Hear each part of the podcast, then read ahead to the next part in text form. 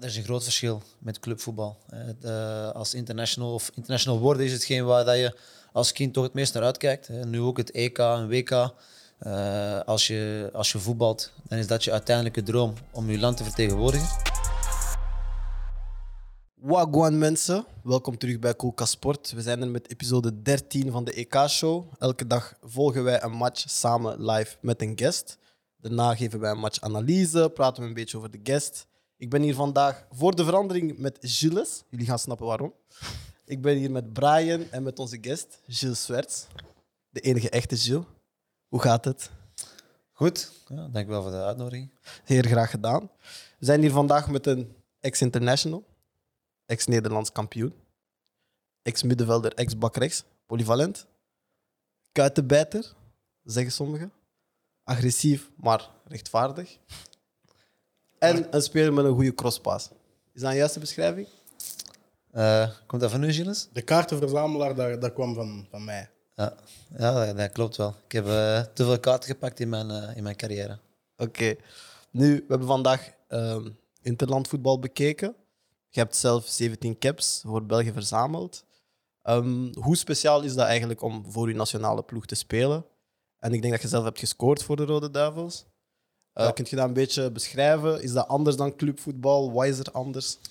Eh, ja, er is een groot verschil met clubvoetbal. De- als international of international worden is hetgeen waar dat je als kind toch het meest naar uitkijkt. Nu ook het EK en WK. Eh, als, je, als je voetbalt, dan is dat je uiteindelijke droom om je land te vertegenwoordigen.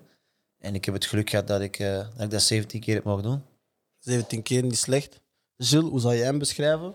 Zou je iets toevoegen aan mijn beschrijving over Gilles Swerts? Het was eh, perfect. Perfect. perfect. Beschrijf de coach. Want nu ben je coach, Coach. bij de belofte van Antwerpen. Ehm, goh, de eerste keer dat dat mij wordt gevraagd. Ik denk streng op de juiste momenten. Eh, wel heel rechtvaardig.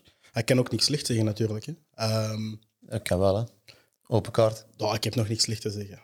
Ehm, streng maar rechtvaardig. Ik denk dat dat een goede, goede samenvatting is. Een tacticus. Oké. Hij zegt een tacticus. Voor de match en tijdens de match die we vandaag hebben bekeken, Portugal-Frankrijk, zei je zelf dat je eigenlijk ontgoocheld bent in Frankrijk, omdat zij met de spelers die zij hebben niet aanvallend spelen of niet dominant gaan spelen. Van waar komt dat gevoel? Wat zou jij liever anders zien? Nee, ik vind dat je als, als coach moet je kunnen aanpassen aan, de- aan de selectie die je hebt. En als je kijkt naar, naar de voltallige selectie van, van Frankrijk, moet zij gewoon dominant voetbal kunnen brengen. Eh, dat hebben we vandaag wel gezien. We weten dat ze aanvallende kwaliteiten hebben, maar ook achterin op het middenveld hebben zij spelers die het verschil kunnen maken. En als je ziet dat vandaag Pogba toch meer zijn, zijn, zijn ouderwetse rol oppakt, dan zie je dat hij ook beslissend is met zijn passing. En in de voorgaande wedstrijden heb je daar niks van teruggezien. Ja. Brian, wat vond jij van Portugal? Wat vond je tactisch? Vond je dat ze goed hebben aangepast? Zijt je blij met hoe zij spelen? Nee, ik had sowieso gezegd dat we een resultaat gingen pakken, ondanks... Allee, maakt niet uit wat er ging gebeuren. Ik had ook verwacht dat Renato Sanchez ging starten op middenveld. Ehm, ik had niet verwacht dat Jean, Jean Moutinho ging starten. Ehm, hij was toch wel redelijk cruciaal in de ehm, opbouw van ons, omdat hij heel hoog tegen de tussenlinies ging spelen. Ze hadden vaak... Daniel Pereira die ging, kwam inzakken in de, back, in, in de defensieve back 2, dus dan werd hij een back 3. Je had Renato Sanchez die dan tussen de twee linies, tussen de press van de spitsen van Frankrijk en het middenveld van Frankrijk ging staan. En dan had je João Moutinho die één linie hoog ging staan. En ik denk dat dat ons probleem was met de vorige wedstrijden met, ah, met Bruno Fernandes. Dat hij heel veel balverlies had in die, als je de bal krijgt op de half-turn, zo op de doordraai. Dus op dat vlak vond ik dat we heel goed hebben aangepast. Ehm, ook meer energie in deze wedstrijd. Ik ook meer gemerkt dat ze er echt wel voor gaan. Ehm, dus op dat vlak ben ik wel tevreden. Alleen de manier hoe we dan de doelpunten tegenkrijgen. Tijdens de wedstrijd zag je dat de coach van Portugal twee keer deed. En twee keer was van ja, twee keer een diepe pas van Pogba op Mbappé. En dat komt twee keer voor doel. Dus ik denk dat op dat vlak dat we toch wel heel veel dingen nog moeten regelen. Maar allee, we zijn door, we zijn gekwalificeerd. Ik ben blij, ik ben happy. Maar het kan beter. Maar je bent er niet uit, dus je kan hierop bouwen. Want je speelt tegen de, de sterkste land op dit EK 2-2. Is dit het sterkste land? Frankrijk? Het Frankrijk van vandaag Ja. vind ik het eh, zeker een eh, finalist. Ja. Gilles? Moet lukken. Dit Frankrijk? Frankrijk tegen eh, Duitsland wordt het. Denken jullie dat het belangrijk is dat Benzema twee keer prikt en eindelijk scoort? Ik denk vooral de, de spelopvatting, het aanvallende spel, waardoor dat hij aanspeelbaar wordt uh, op de helft van de tegenstander en niet te laag moet vertrekken. dat was in de voorgaande wedstrijden. En nu zie je, nogmaals, het was een, een, een wedstrijd met heel veel energie, wat je ook zei. Uh, ook Portugal wilde hoog druk zetten, maar op het moment dat je er dan doorheen komt, ja, dan ga je gebruik maken van en Benzema's uh, kwaliteiten, Griezmann en Mbappé. Ja. en dan gebruik je iedereen op zijn, op zijn kwaliteiten. Dat zag je vandaag terug. Dus als ze met diezelfde uh, opvattingen en overtuigingen gaan spelen in de rest van het toernooi, zie ik ze jammer genoeg wel uh, terug binnen. Ja. Ik denk dat die snelheid van Mbappé in de rug van Semedo ook heel doorslaggevend was. En ik vond dat onze press langs links van Portugal veel beter was dan langs rechts. Maar ik vond het ook heel interessant in de eerste helft dat Mbappé, wanneer hij diep ging, eigenlijk heel vaak centraal kwam te staan. Maar zo, zo zie ik hem liefst. Ik zie hem niet graag vertrekken vanuit het centrum, want dan is de looplijn voorspelbaar en is hij rechtlijnig. Terwijl als je van de flank komt, kun je altijd snijden. En dan is dat moeilijker voor de verdediger, want er gaat moment zijn dat je de bal gaat moeten zien en je moet je man volgen. En die halve seconde dat je de bal niet ziet, speelt Pogba die bal en dan ben je weg. Maar is dat, heb ook je gezien de eerste helft. Sowieso voor Mbappé zelf is dat een pluspunt. Maar denken jullie ook niet dat vandaag daardoor Benzema nu iets heeft van wanneer hij vertrekt, kan ik juist ja. in mijn favoriete ruimte komen? Dat is die. En, hoe noemen ze dat nu weer? Opposite moves. Ja, opposite moves. Ja. En zo het idee ook misschien dat nu Benzema dan altijd een beetje meer naar links afwijkt en Griezmann een beetje meer rechts, dus dat ze elkaar niet weet voor, je, de voeten lopen. voor de voeten lopen en zo. Ik denk als ze zo spelen, zie ik niet wie deze ploeg maar ik gaat ga, niet afstoppen. akkoord, ik ga niet akkoord met wat je zegt. Want je zegt van, oké, ja, dit Frankrijk moet aanvallend spelen, maar je speelt dan wel uiteindelijk weer 2-2. En tegen Duitsland speel je... Wacht, twee penalties twee, twee, twee, Tegen. Duitsland speel je dan iets defensiever. krijgt twee penalties Ah, tegen. Dank u. let, let me finish. hè. tegen Frankrijk, tegen Duitsland Let speel me je... talk!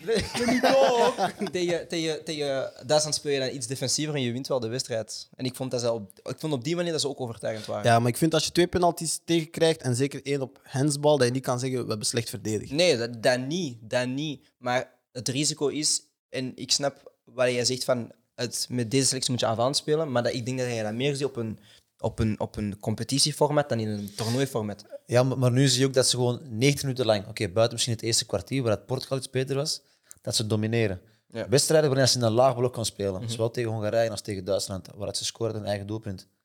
Dan is het heel moeilijk als je met, ik kan niet zeggen dat het negatief is, maar dat je met die opvatting gaat starten. Het lukt niet om dan die switch te maken. Maar dat is denk- heel moeilijk. Ik denk dat het te veel risico... Ah, ja, ik denk op een toernooi dat je gewoon niet zoveel risico's kunt nemen als, als, als je nog een terugwedstrijd hebt, bijvoorbeeld. Maar, maar hoge druk met deze selectie en met die achterhoede is in mijn ogen ook geen risico. Ze hebben vandaag bijna niks weggegeven, Maar hoe- alleen twee penalties. Maar hoe kwam Portugal twee keer in de 16? Dat is altijd die lange crosspas in de diepte. En als je dan met een hoge lijn gaat spelen, ploegen met snelheid, bijvoorbeeld Duitsland of zo. Want ik denk dat daarom dat Duitsland tegen Duitsland ook zo heel laag heeft gespeeld.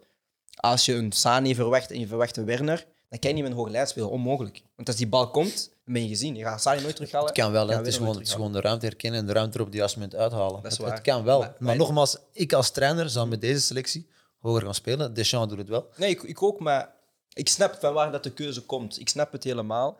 En je hebt Kanté die dan wel die, lijn, die, die, die, die paslijnen kan afsluiten, maar Pogba is dan niet zo sterk erin. Vandaar dat je ook vaak altijd een middenvelder extra ziet wanneer, dat- wanneer dat Pogba speelt, voor die extra bescherming.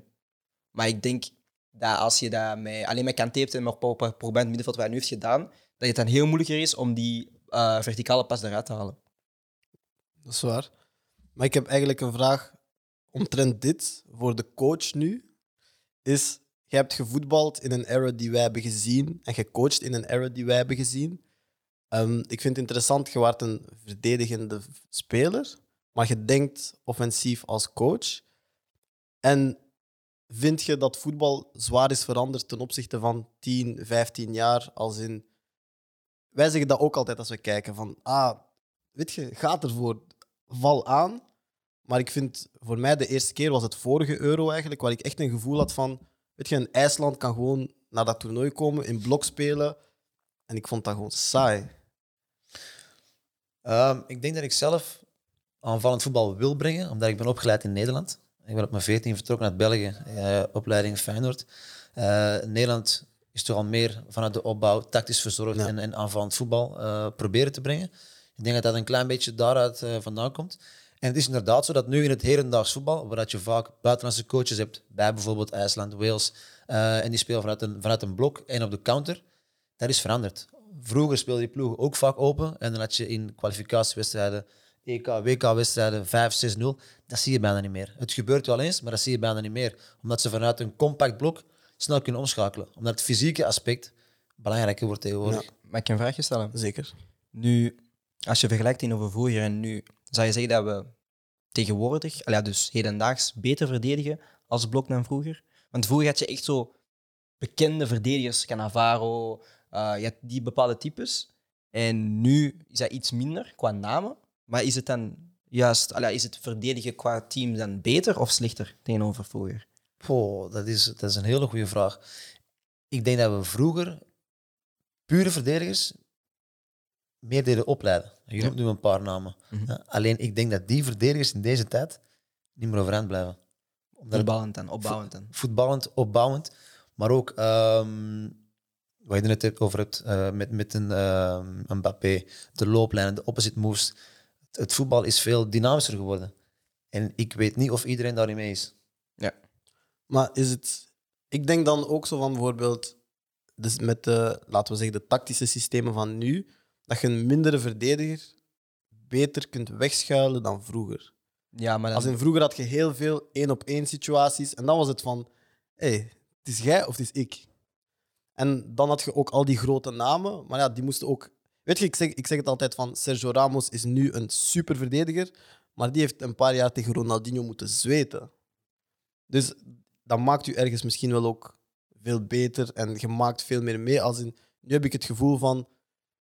Ik, ik bedoel, een, een Pavard is een goede verdediger, Nee, maar, maar zou die één op één elke keer tegen een, een, een weet je? Nee, je hebt helemaal gelijk. Ik vind dat, Dat veel verdedigers tegenwoordig aan het...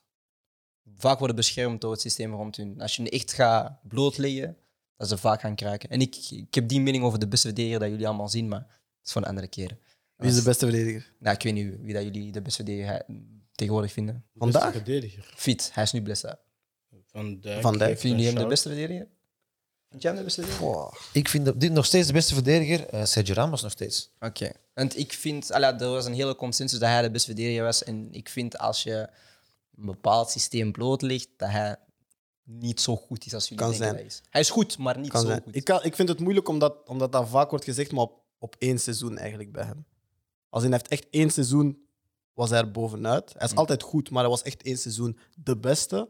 Ik vind het moeilijk om dan te gaan zeggen, hij is de beste Hij verdediger. heeft ter niet zoals Ramos 8, 9 seizoenen bij Real dus voilà. gewoon Ah, jullie zijn niet van die mening dan. Oké, maar dat is goed, dan, dan ben Ja, ik blij. maar hij Ik hoort- hij Dijk, hoort erbij. ik zet Van Dijk wel in een top Ik 3 zat- sowieso. Ik zou hetzelfde hebben moment. als je vandaag zegt, ah, eh, Diaz is de beste verdediger. Ja. Dan zou ik zeggen van, Het is te vroeg. Ja, het is te vroeg. Maar Van Dijk komt ook omdat hij dat jaar bij Liverpool was echt de leider achterin. ja. Ja. Hij nam de ploeg op sleeptouw. Ja, hij zegt van oké, deze lijn hoger, lager. was gewoon een leider. Ah, en, ja, en dat speelt allemaal mee. Maar ik denk dat dat niet puur... Allee, ik denk dat als puur verdediger, zoals je dan de seks zegt, ik denk dat hij, denk dat niet, dat hij een van de beste is. Wat jij zegt met zijn coaching, beschermt hij zich al eigenlijk zo heel goed. En dat is ook heel belangrijk als een verdediger. er maar puur verdediger, want het was een hele stad zo van, ah, hij is een misgepasseerde verdediger, bla bla bla. Ik geloof er niet in. Maar als coachende verdediger wel, maar als puur verdediger heb ik nog, toch wel mijn twijfels over hem. Maar, bon, ja. andere keer. Maar we hebben eigenlijk eh, de luxe gehad om naast deze match ook eh, Hongarije-Duitsland te volgen. Ik vond vandaag eigenlijk misschien de leukste speeldag die we hebben gevolgd. Vibes. Dit is denk ik in heel veel EK's al een van de leukste speeldagen die er is geweest. We hebben 18 doelpunten gezien op vier wedstrijden. We hebben een 5-0 gezien, we hebben een 3-2 gezien, en we hebben twee keer een 2-2 gezien. We hebben alles gezien, we hebben penalties gezien. Uh, rode kaarten denk ik enkel niet dat we hebben gezien, Ja. maar we hebben eh, aanvallend voetbal gezien, we hebben verdedigend voetbal gezien, we hebben alle stijlen gezien.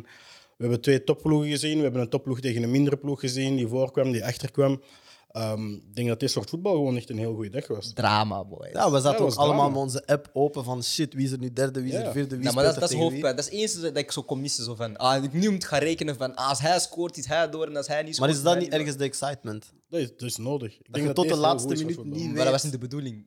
Dat Ja, is voor u- dat voor u was dat niet de bedoeling. Nee, nee, nee. Van UEFA was dat niet de bedoeling. Nee, sowieso. Met die groep wel. Maar voor de andere, alle, andere, groepen, zo, ik weet niet wie het er doorgaat of zo, maar ploeg als Finland en zo, als je nog kans hebt om door te gaan, broer. hey. Ja, dat snap ik. Of Hongarije. hey. Maar bijvoorbeeld ook Spanje die vandaag 5-0 wint. Hebben jullie nu zoiets van, oké, toch wel opletten op Spanje? Of denken jullie van, nah, Nee. Nee. Ik weet niet waarom, maar ik heb eh, Spanje ik ben tot toch geen enkel moment weten te overtuigen. Ook, ik zie 0-0 tegen? Zweden en 1-1 tegen Polen. Misschien zijn wij verwend geweest eh, al die jaren voorheen. Want- Want Spanje was natuurlijk eh, dominant. Hè. In ieder geval het Spanje dat ik heb gekend, was- was dominant.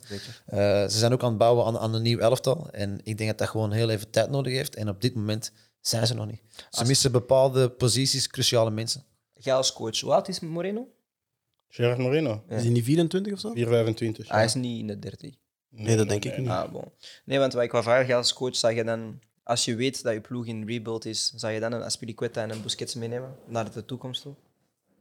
Jawel, omdat je op een toernooi ook ervaring nodig hebt. Ja? En je hebt ook wel in, in, in je kleedkamer, hè, maar je bent ook wekenlang van huis, heb je mensen nodig die weten van oké, het rijden en zeilen op zo'n toernooi, eh, het rust in de groep bewaren, die spelers heb je wel nodig. Dus die moet je er ook gewoon bij houden. Ja. Ja. Moreno is 29, by the way. Ja, ik, Toch? ik wist dat ergens dat, Ja, ja, ja. dat het einde van een carrière, ah, einde van een carrière, maar Wow, dat is niet later ik- later. Niet Jij einde. vindt iemand op zijn Nee, nee, 30 nee, nee, broer. Nee, maar ik had ooit ik had Man United tegen Villarreal gezien en die zei van ah, hij is heel laat in de carrière pas geselecteerd worden door Spanje. Ja. Dat, hoe, zo heb je dat verstaan. Dus echt van ah, hij is waarschijnlijk iets in de Nee, 30 dat is. zo. Maar je zei het daarnet, en Brian zegt dat ook altijd, van voetbal is nu vooral weet je, dynamischer geworden en dynamische profielen. Moet Spanje niet misschien heel hun filosofie gaan veranderen? Als zij willen overleven in de komende voetbaljaren. Denken jullie dat tiki-taka nu nog kan overleven? Gewoon, maar voetbal werkt vaak in cyclussen ook. Hè. Ik kan me herinneren dat Catenaccio werd ooit als het beste gezien, omdat, omdat Italië gewoon verdedigde. En, en daar speelde je kampioen door een heel seizoen 1-0 te spelen. En dat was ooit de manier om, om te voetballen. En daarna kwam dan tiki-taka en daarna kwam dan gegenpressing. Dus ik denk dat iets is dat in, in cyclussen gaat blijven draaien. Want nu zien we ook terug lage blokken en van op de omschakeling. Dat, be- dat begon eigenlijk dan denk ik met Mourinho bij, bij Inter. En Chiles heeft opgelet, hè? Ja, ja, ja. Ik ben niet dom, hè? Nee, nee, nee, nee, maar- Dat begon dan bij, Hij heeft een master, heeft een master. Heeft begon een master. bij, bij, bij, Mourinho zijn Inter, denk ik. En Diego Simeone heeft nu ook ehm, met vaak verdedigend voetbal toch ook al ehm, zijn, zijn verdiensten gehaald. Dus ik denk dat het iets is dat in cyclussen blijft gaan. En binnenkort komt er een, een ploeg die iedereen naar huis speelt op hun manier. En dan gaan veel mensen weer dat proberen te kopiëren. En zo blijft het denk ik, Ik denk dat deze era een beetje, ah ja, de komende era, een clash is met defensief voetbal. Ah ja, defensief laagblokvoetbal en het mooi verzorgd voetbal. Dus elke ploeg wilt wel opbouwen en Maar- wilt wel kort spelen. Maar eh, ik zie het toch wel vaak ook wat lage blok voorkomen. Dus dat is een beetje het dilemma dat ik vaak zie. Maar ja, dan krijgen we de discussie laag blok. Je hebt dat nu in Nederland, hè? waar het ze natuurlijk altijd 4-3-3, eh flankaanvallers aanvallen. Ja. Nu spelen ze 3-5-2, 5-3-2.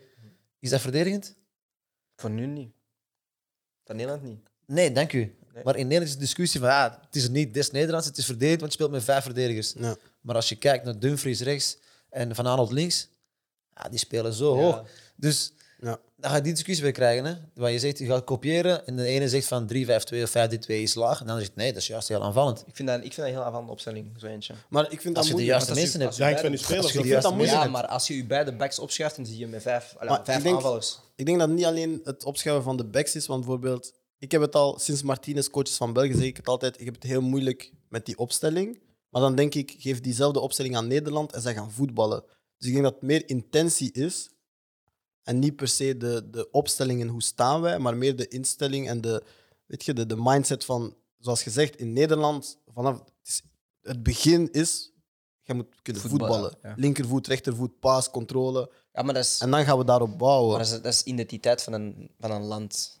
Ik denk bij België, Martinez is ja Spaans voetbal op ons aan het forceren. Dus dat is een identiteit dat je wilt oppakken. Maar kan België als land zijn eigen identiteit creëren? Ja, maar dat zijn ze nu aan het doen in de jeugdreeks. Dat zijn ze nu aan het doen. Jeugdreeksen, nationaal ploeg of echt? Gewoon, als je kijkt naar jeugdvoetbal, zijn ze dat aan het doen. Ze zijn aan het proberen. Maar alleen, zoiets ga je niet op, op, op twee, drie jaar kunnen krijgen. Nee, En je ziet ook wel dat een, Nee? een Genk en een niet op twee, drie jaar tijd. Nee, ah, nee, nee, nee, ah, oké. nee, nee, dat, heeft, dat heeft lange tijd nodig. Dat is inderdaad een proces. Dus dat gaat pas, de vruchten echt gaan, gaan, gaan van, ehm, pff, ik weet wel eens niet hoe, hoe dat die spraak eh, is, maar gaat er pas binnen van, binnen van krijgen binnen de Vruchten tien, van tien plukken. jaar. Tien, ja. ja, vruchten van plukken. Ja. Maar je ziet ook bijvoorbeeld wat Company nu bij Anderlecht doet. Dat draagt bij aan de filosofie van Anderlecht, maar dat gaat op lange termijn ook in België meer een filosofie worden zoals wat Genk de laatste jaren al doet. Ook vaak in een 4-3-3 offensieve spelers. Club Brugge is dat met Clement nu ook aan het doen. Dus dat, is dan ook weer, dat zijn dan drie van de topploegen eigenlijk. En dan gaan er altijd ploegen zijn die daar iets tegen gaan moeten zetten. En dan is het, ja, als, als uw drie topploegen dat doen, is dat dan uw identiteit. Als uw nationale ploeg dat dan ook nog overneemt, is dat uw identiteit. Dat, dat, dat kan veranderen ook. Ik denk dat dat ook afhangt van, van de kwaliteit die je in de nationale ploeg hebt. Want als je alleen maar goede verdedigers hebt en je hebt geen goede aanvallende spelers, dan had je misschien op de counter moeten spelen. Of dan gaat je net die verdedigers hun kwaliteit moeten gebruiken. Dus dat gaat... Wel, dat is misschien mijn vraag voor jullie. Moet die linker zijn tussen de nationale ploeg en het jeugdvoetbal? En, en is die er? Want ik heb het gevoel dat je dat bijvoorbeeld in een Spanje en in een Nederland wel hebt. Dat is er. Als in het wordt meegegeven van, weet je, 4-3-3 is de speelstijl bijvoorbeeld. Of toch wel de identiteit. Vooral de identiteit. Ik, kan niet, ik denk niet dat ik kan zeggen tegen alle clubs van kijk, nu gaat iedereen 4-3 spelen. Maar ze proberen dat Ja. wel, met Voetbal Vlaanderen. Ze proberen bepaalde eh, Principes, mee te geven. Ja. Ja. Maar het is aan de club zelf om bijvoorbeeld een lijn uit te schrijven van oké, dit is de visie van de club. Natuurlijk wel een bepaald beeld creëren dat je kan doortrekken naar de nationale ploeg, want je leidt op voor het land België. Ja, maar het is juist ook goed om, om jeugdspelers in verschillende systemen te laten spelen. Dat ze juist winnen aan verschillende Ja. systemen. Ja, want anders worden wij voorgeprogrammeerd en dan ontwikkel je geen spelers meer die, die zelf kunnen nadenken van waar liggen de ruimtes, welke ruimte moet ik verdedigen. En voetbal, voetbal draait uiteindelijk om, om de juiste ruimtes te herkennen. Ja. Ja, dus je, je kan niet zeggen vanuit de bond van dit systeem dat we gaan spelen en eh that's it. Maar ik, ik merk wel dat ehm, vanuit de bond dat er veel meer vraag is naar profielen, naar spelers. Zelfs nu bij, bij Antwerpen, waar in het verleden waarschijnlijk spelers nooit werden benaderd, omdat de club ook aan het bouwen is in, in, de jeugd. Maar nu worden de spelers benaderd, die worden opgevolgd. En je merkt dat, dat er dat het breder wordt gescout in België. Dus ik denk wel dat, dat die lijn er is. Dat ze wel kijken naar, oké, wie leiden we op? Wie zijn er over een paar jaar klaar en wie gaan we opvolgen? Ja. En we zeggen vaak van, komt er een lichting of een nieuwe lichting aan, aan jonge talenten in België? Sommigen zijn daar sceptisch over. Wat is uw gevoel? Jij die met veel jongeren werkt. Ehm, Oppassen. ik, denk, nee, ik denk dat die lichting er wel gaat komen. Ja, ik, ik vind dat mensen in België al heel snel negatief Op zijn. welke termijn, je dat mag vragen? Drie jaar, vijf jaar, acht jaar? Ja, want je- Ik, ik denk dat de generatie nu niet dezelfde generatie is als de ploeg die het afgelopen EK en WK heeft gespeeld. Ja. maar niet vergeten dat van die selectie de meeste jongens nog hebben samengespeeld in mijn periode. En toen was ook alles slecht. Alles was slecht. Terwijl ik hoorde bij die selectie en ik kan wel zien van Witzel, Vermalen, Vertongen, Dembele, ehm, Hazard. Je wist gewoon van Fellaini. Je wist gewoon, die jongens gaan er komen. Maar geef die even tijd. En dat is nu hetzelfde wat je ziet bij, bij Duitsland, bij Spanje. Geef die Ja. jongens eventjes tijd. Anderlicht, geef die even tijd. En Company heeft in mijn ogen op, op één jaar tijd fantastisch werk geleverd. En je kan niet meteen denken van oké, deze generatie gaat stoppen. Volgende generatie staat er. Nee, dat gaat niet. Die moeten ervaring opdoen. Die moeten bij grote clubs gaan spelen. Die moeten de leiding leren nemen. en zo the creëer je een process. groep. Just the process. Dus een vraag eigenlijk voor jullie beiden nu is: die mindset of die manier van denken, het feit dat jullie eh, beide in het buitenland hebben gespeeld en jong naar het buitenland zijn vertrokken, heeft daarvoor gezorgd dat je anders bent gaan denken? Zeker, ik denk dan zeker aan een Nederland, maar ook een UK bijvoorbeeld. Als in, je bent daar en je beseft van, ah, hier wordt er eigenlijk misschien helemaal anders over voetbal nagedacht. En ik denk zelfs, Gilles, die, eh, je hebt ook in Nederland gestudeerd voor wat je nu aan het doen bent, heb je daar ook gemerkt van, ah, de mensen van hier denken anders om het voetbal? Ja, je ziet wel dat de mensen in Nederland, zoals je al zegt, puur gewoon offensief denken. En nu, ik was niet een trainersopleiding aan het volgen, dus het is niet dat wij het enkel over voetbal hebben gehad. Maar je ziet wel dat dat een mentaliteit is die wordt doorgedrukt in eh, heel uw, in heel uw maatschappij en in heel uw sport, ondernemingscultuur, zeg maar. Het offensief zijn, het uitgaan van eigen kracht en, en die positieve ingesteldheid. En als, je dat, als dat doorcijpelt naar je, naar je opleiding en naar je nationale ploeg, ja, dan spreekt het voor zich dat je offensiever voetbal gaat brengen. Engeland wordt daar ook positief nagedacht. Want ik denk Eh. dat dat hier vaak het probleem is. Als je vanaf het begin negatief denkt, ja, dan, dan kan er eigenlijk alleen maar negativiteit uit voortkomen. Maar als je inderdaad zegt van nee, we gaan ervan uit van we gaan een nieuwe lichting hebben en nieuwe lichtingen en we gaan omvormen. Maar had je dat in, in de UK, dat gevoel? Engeland is het, wat ik had meegemaakt, is dat ze van de jongens af aan al wisten van deze moet binnen vijf jaar bij de eerste ploeg zijn En hun focus was eigenlijk gewoon die twee, drie spelers. En de rest is eigenlijk gewoon Dat vind ik fout. extra pieces. Ja, ik- maar ja, dat, zo, zo was het toen dat ik daar zat. Zo waren één, twee, drie spelers die zeggen van oké, op hun gaan we echt onze focus leggen, op hun gaan we echt doorcoachen. Eh, en de anderen zijn een beetje ja, ik- de extra pieces daarbij. Maar is het misschien niet... Dat is een vraag, hè. Is het misschien niet omdat in Engeland misschien een veel groter aantal Ja, dat is moeilijker, denk ik daar. spelers, leagues, clubs zijn? Ja. Want in Nederland denk ik dat daar de filosofie is van... Eigenlijk moet je op je 16 prof zijn. Als in... Allee, de clubs denken in een... In een Ja, zo, nee, clubs- zo zijn- snel mogelijk... Ja, ze zijn ieder geval ze zijn, niet, ze zijn niet bang om een jonge speler te brengen. Als ze Ja. erin geloven, 16, 17, dan brengen ze die gewoon. Dat, dat is natuurlijk wel een verschil met, met, met België. Hoewel ik denk dat, ehm, dat ook die trend gaat veranderen. En dat zie je. Dat is goed dat, veranderen, zie, dat zie je, dat Ja. dat bij Genk ook zo is. Nu staan daar door financiële problemen. Anderlecht heeft het dit jaar gedaan. Eh Bruggen heeft het gedaan met, met de ketelaren. En stelselmatig met nog één of twee andere spelers. Maar ook met Club Niks een beetje. Ja, maar, maar dat is een ander verhaal. We hebben al lang achterlopen, maar dat is een ander verhaal. Ja. Ehm, maar België is wel een inafslag aan het maken. Ik ga het niet over de Belgische versie hebben, maar in Nederland spelen de, de, de reserveploegen van bepaalde ploegen in de tweede klasse. Ehm, heb je daar zelf de benefits van gezien of ben je daar een voorstander van? Ik ben er een voorstander van. Eh, het, Ja. het, het makkelijkste voorbeeld wat iedereen hier in België gaat kennen, Noah Lang. Ja. Noah Lang heeft ook gewoon in direct gespeeld. Ja? Je traint mee met de eerste ploeg. Je speelt niet bij de eerste ploeg, je zit op de bank. Je speelt in de Jupiler eh, keuken, keukendivisie. eh, je speelt tweede divisie in ieder geval. Ja. Ja? Nee, maar je speelt wel mannenvoetbal. Ja, Anders zeker. speel je op maandag tegen jongens van 18, 19. En je hebt geen weerstand en je ontwikkelt jezelf niet verder. En, en dat is iets waar we in België ook naartoe moeten. Alleen die discussie, nogmaals, ja, dat, is, dat, dat is een politiek spelletje. Ehm, in Duitsland gebeurt het, in, in ehm, Spanje gebeurt het. Ehm, in Engeland is het anders, omdat je daar de Championship, League One, League Ja. 2 en daar is het verhuren voor een wel, maand. daar doen ze wel een, een toernooi dat alle U23 ploegen spelen tegen eerste, ah ja, tegen League 1 en League 2 ploegen. Ja, maar als, als je daar echt talentvolle spelers hebt van 19, Ja. 20 jaar, Ja. dan is het gewoon van, oké, deze maand speelde jij een, een maand in eh, League One Ja, en dan kom jij terug en dan kon je spelen. Nee, nog niet klaar, een keer terug een maand naar daar. Dat is heel makkelijk. Dat, dat gaat in België niet. Het gaat uiteindelijk om spelen. Ja, Ja. spelen, maar op een zo hoog mogelijke weerstand dat jij zelf nodig hebt. En dat is voor iedereen dan natuurlijk anders. Nee, zeker. Ik denk dat dat ook een super interessante conversatie is. Ja. Maar ehm, ik zou eigenlijk nog twee vragen aan jullie allemaal willen stellen. Ja. Ehm, ik ga met Gilles beginnen. Hij doet echt zijn best om Gilles te zeggen. ik Ja, Gilles. ja, ik denk mijn best weg nadenken. Het heeft ook niks met EK te maken, maar wie is de meest indrukwekkende voetballer Oei. dat jij hebt zien spelen? Ricardo Kaka in San Siro. Live. Ja, ik was daar. Nee, nee, nee. Ah. Is een vraag live. Of op tv. Ja, Ja, live. Ah, live. Live, Kaka in. San Nee, niet Siro. op tv. TV telt niet voor mij, dat is PlayStation. Kaka in San Siro, ja. Nee, dat is helemaal anders. Iemand Nee, live zien Je hebt spelen je en hebt tv je dat hebt heeft niks met elkaar te Je maken. hebt gelijk. Ja, ik eh, Ricardo Kaka in San Siro. Tegen? Tegen Lazio Roma. Shit. Brian? Ik heb twee. Doe maar. Ik heb één keer Pogba live gezien tegen Anderlecht. En voor mij was het iets anders. Maar ik heb ook, eh, en dat gaat raar zijn, Wilfried Zaha zien spelen. Ik was baljongen, maar Ja. aan mijn kant. Dat is Oké. anders. Ik kan dat wel snappen. Dus ik zat hier, ik zat letterlijk hier. Ja. En waar het die kastje is, daar stond hij. Ik kan snappen dat Zaha live indrukwekkend Dat is in Engeland- anders. ja, in Want Engeland zo hoe, dichter. hoe snel dat hij weg is.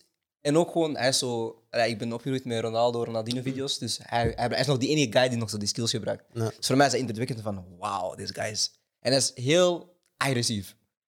Heel, heel, heel agressief. Dus voor mij was dat wel iets moois om te zien. Oké, Of is dat, ja. En Lukaku heb ik ook live gezien in dezelfde wedstrijd, dus ik kan alle twee zeggen. goeie. Voor jou is het een dubbele vraag. Met wie is de beste speler met wie dat je hebt gespeeld? En de beste speler tegen wie dat je hebt gespeeld? De beste speler met wie ik heb gespeeld, ik denk dat iedereen eh, hetzelfde gaat antwoorden. Dat is eh, Moussa Dembele. Ja. Dus, ja, dat is... Dat is het antwoord dat we altijd Ja. krijgen. Ja, maar dat, dat is ook gewoon zo. Dat is, eh, Big Moes. Bal vast. ja, dat, is, dat is moeilijk uit te leggen. Maar Moussa heeft een, heeft een natuurlijke flair als, als persoon al. Ja. Maar als speler, eh, je kon de bal niet afpakken. Die kapt de bal af. Ja. Ehm, verdedigend ook. Maar die is, die is van nature zo, zo sterk. Is dat een soort uitleg dat je zou zeggen van voetballers weten gewoon? Voetballers weten dat gewoon. Iedereen die met hem heeft samengespeeld, zelfs tegen hem heeft gespeeld, iedereen weet van, ja, Moussa is de beste. En dat kun je niet verklaren, omdat hij misschien qua naam niet daar staat. Maar iedereen die met hem heeft samen getraind, op een pleintje, op een voetbalveld, ah, Moussa. Dat is ongelooflijk. We hebben die discussie ook altijd. Overal waar een interview wordt gegeven, Rode Duivels, Tottenham, Iedereen iedereen zegt dat. Ja. En wie is dan de beste, behalve Moussa? Wie dat je tegen hebt gespeeld? Ja. Ik was juist aan het denken, maar ik kan nu niet op zijn naam komen. Eh, vroeger nummer 10 van Celta de Vigo, Joegoslaaf. Nummer 10 van Celta de Ik ben geen Vigo. historicus. Wie? Zeg, je mocht dat luid zeggen. Nee, nee, nee. nee, nee. Wie? Nee. Van Celta de Vigo. Broer, hey. we zijn bezig het, over eh, 19 of... Ik denk 2000, 2000 nee, nee zeg, Oh, 2001, 19. 2002. 2001, 2002. jaar oud, hè? Ik ging zeggen 1990. Ja, Nee. Savo die- Milosevic? Die era, die era. Nee, nee, nee, nee. Wat bent u als ik dat mag vragen? Ik ben nu 39. Oh ja, dus ik, ik had toch in de 90's kunnen spelen of niet? Ja, toch? Ja, het was in ieder geval een, een, een nummer 10. Ik kan straks met de naam komen. Maar, ja, maar die was tactisch zo sterk. Ja? En dan had je, ehm, goh, ik ben heel slecht in namen, de linksback Braziliaan die later bij Arsenal zat. Mostovoy. Ja. Mostovoy? Mostovoy. En een, Ar- en een Arsenal linksback? Ja, en de linksback eh, speelde nadien bij Arsenal. Die kwam op met de bal. En Mostovoy die ging altijd mijn rug wegbewegen. Die was altijd vrij. was in de volle kuip. Ik was 19 jaar. In de rust gewoon eruit. Ja? Ja, maar dat is gewoon een slimme speler. En dan heb ik een tweede. Die wilde wel kennen. Dat was eh Philippe Lam. Ah, Ja? ja. Ik stond rechtsback, hij stond linksback. Dus eigenlijk moeten wij veel uit elkaar spelen. Ja. maar die stond altijd bij mij. Ik vind, ik vind het interessant, sorry, maar ik vind het interessant omdat je twee spelers opnoemt en je hebt het over Intelligentie. intelligentie. Dat is wat ik net wou zeggen. Dus die hebben nu echt gewoon Ja. qua Maar dat is wat ik zeg, dat, dat is wat je zelf zegt, intelligentie, Ja. maar ook de ruimte herkennen. Hè, Ik heb ook tegen spelers gespeeld waar je weet van oké, één tegen één die zijn sterk. Ja. Of die zijn snel, dat weet je. Maar je weet ook van oké, die actie gaat komen. Maar bij slimme spelers weet je niet wat er gaat gebeuren. Dus je moet zelf constant attent zijn, maar je bent daar aan het kijken en die bal is gespeeld, je bent te laat. En dat is herkennen van ruimte, dat is herkennen van oké, waar moet ik bewegen, waar moet ik de bal vragen. Ja, En dat is zo moeilijk om tegen te spelen. ik vind het eigenlijk hard als antwoord, man. Het is mij opgevallen, ik heb al aan veel ex-voetballers die vraag gesteld wie is de beste tegen wie je hebt gespeeld. En dat is altijd iemand uit een Oostblokland. Altijd. Ja, maar dat zijn Die namen worden... Ay, eh, ik weet, Emil heeft zo eens ehm, ook Berbatov gezegd. Ja. Terwijl die Berbatov was een baller, niet-? Ja, dat was een baller. Berbatov was een baller. De carrière die Emil en Penza heeft gehad, zou je misschien niet denken dat is de sterkste tegen wie je hebt gespeeld. Maar hij zei Berbatov en Vidic. Maar ik denk dat, ik denk dat, dat als je aan fans vraagt wie is de beste dat je hebt gezien, dat antwoord van een voetballer altijd anders is. Door wat je daarnet hebt gezegd, Maar ik- voetballers weten. En dat is een andere Ja. manier van kijken, toch? Dat is ja, hoe dat fans soms een wedstrijd zien en als je zelf hebt gespeeld, dan ga je die wedstrijd anders ervaren. Want de kleine details dat je ziet als voetballer, aannames, passing, kwaliteit van passing, hoe dat die bal aankomt, hoe makkelijk het is om voor diegene om aan te nemen.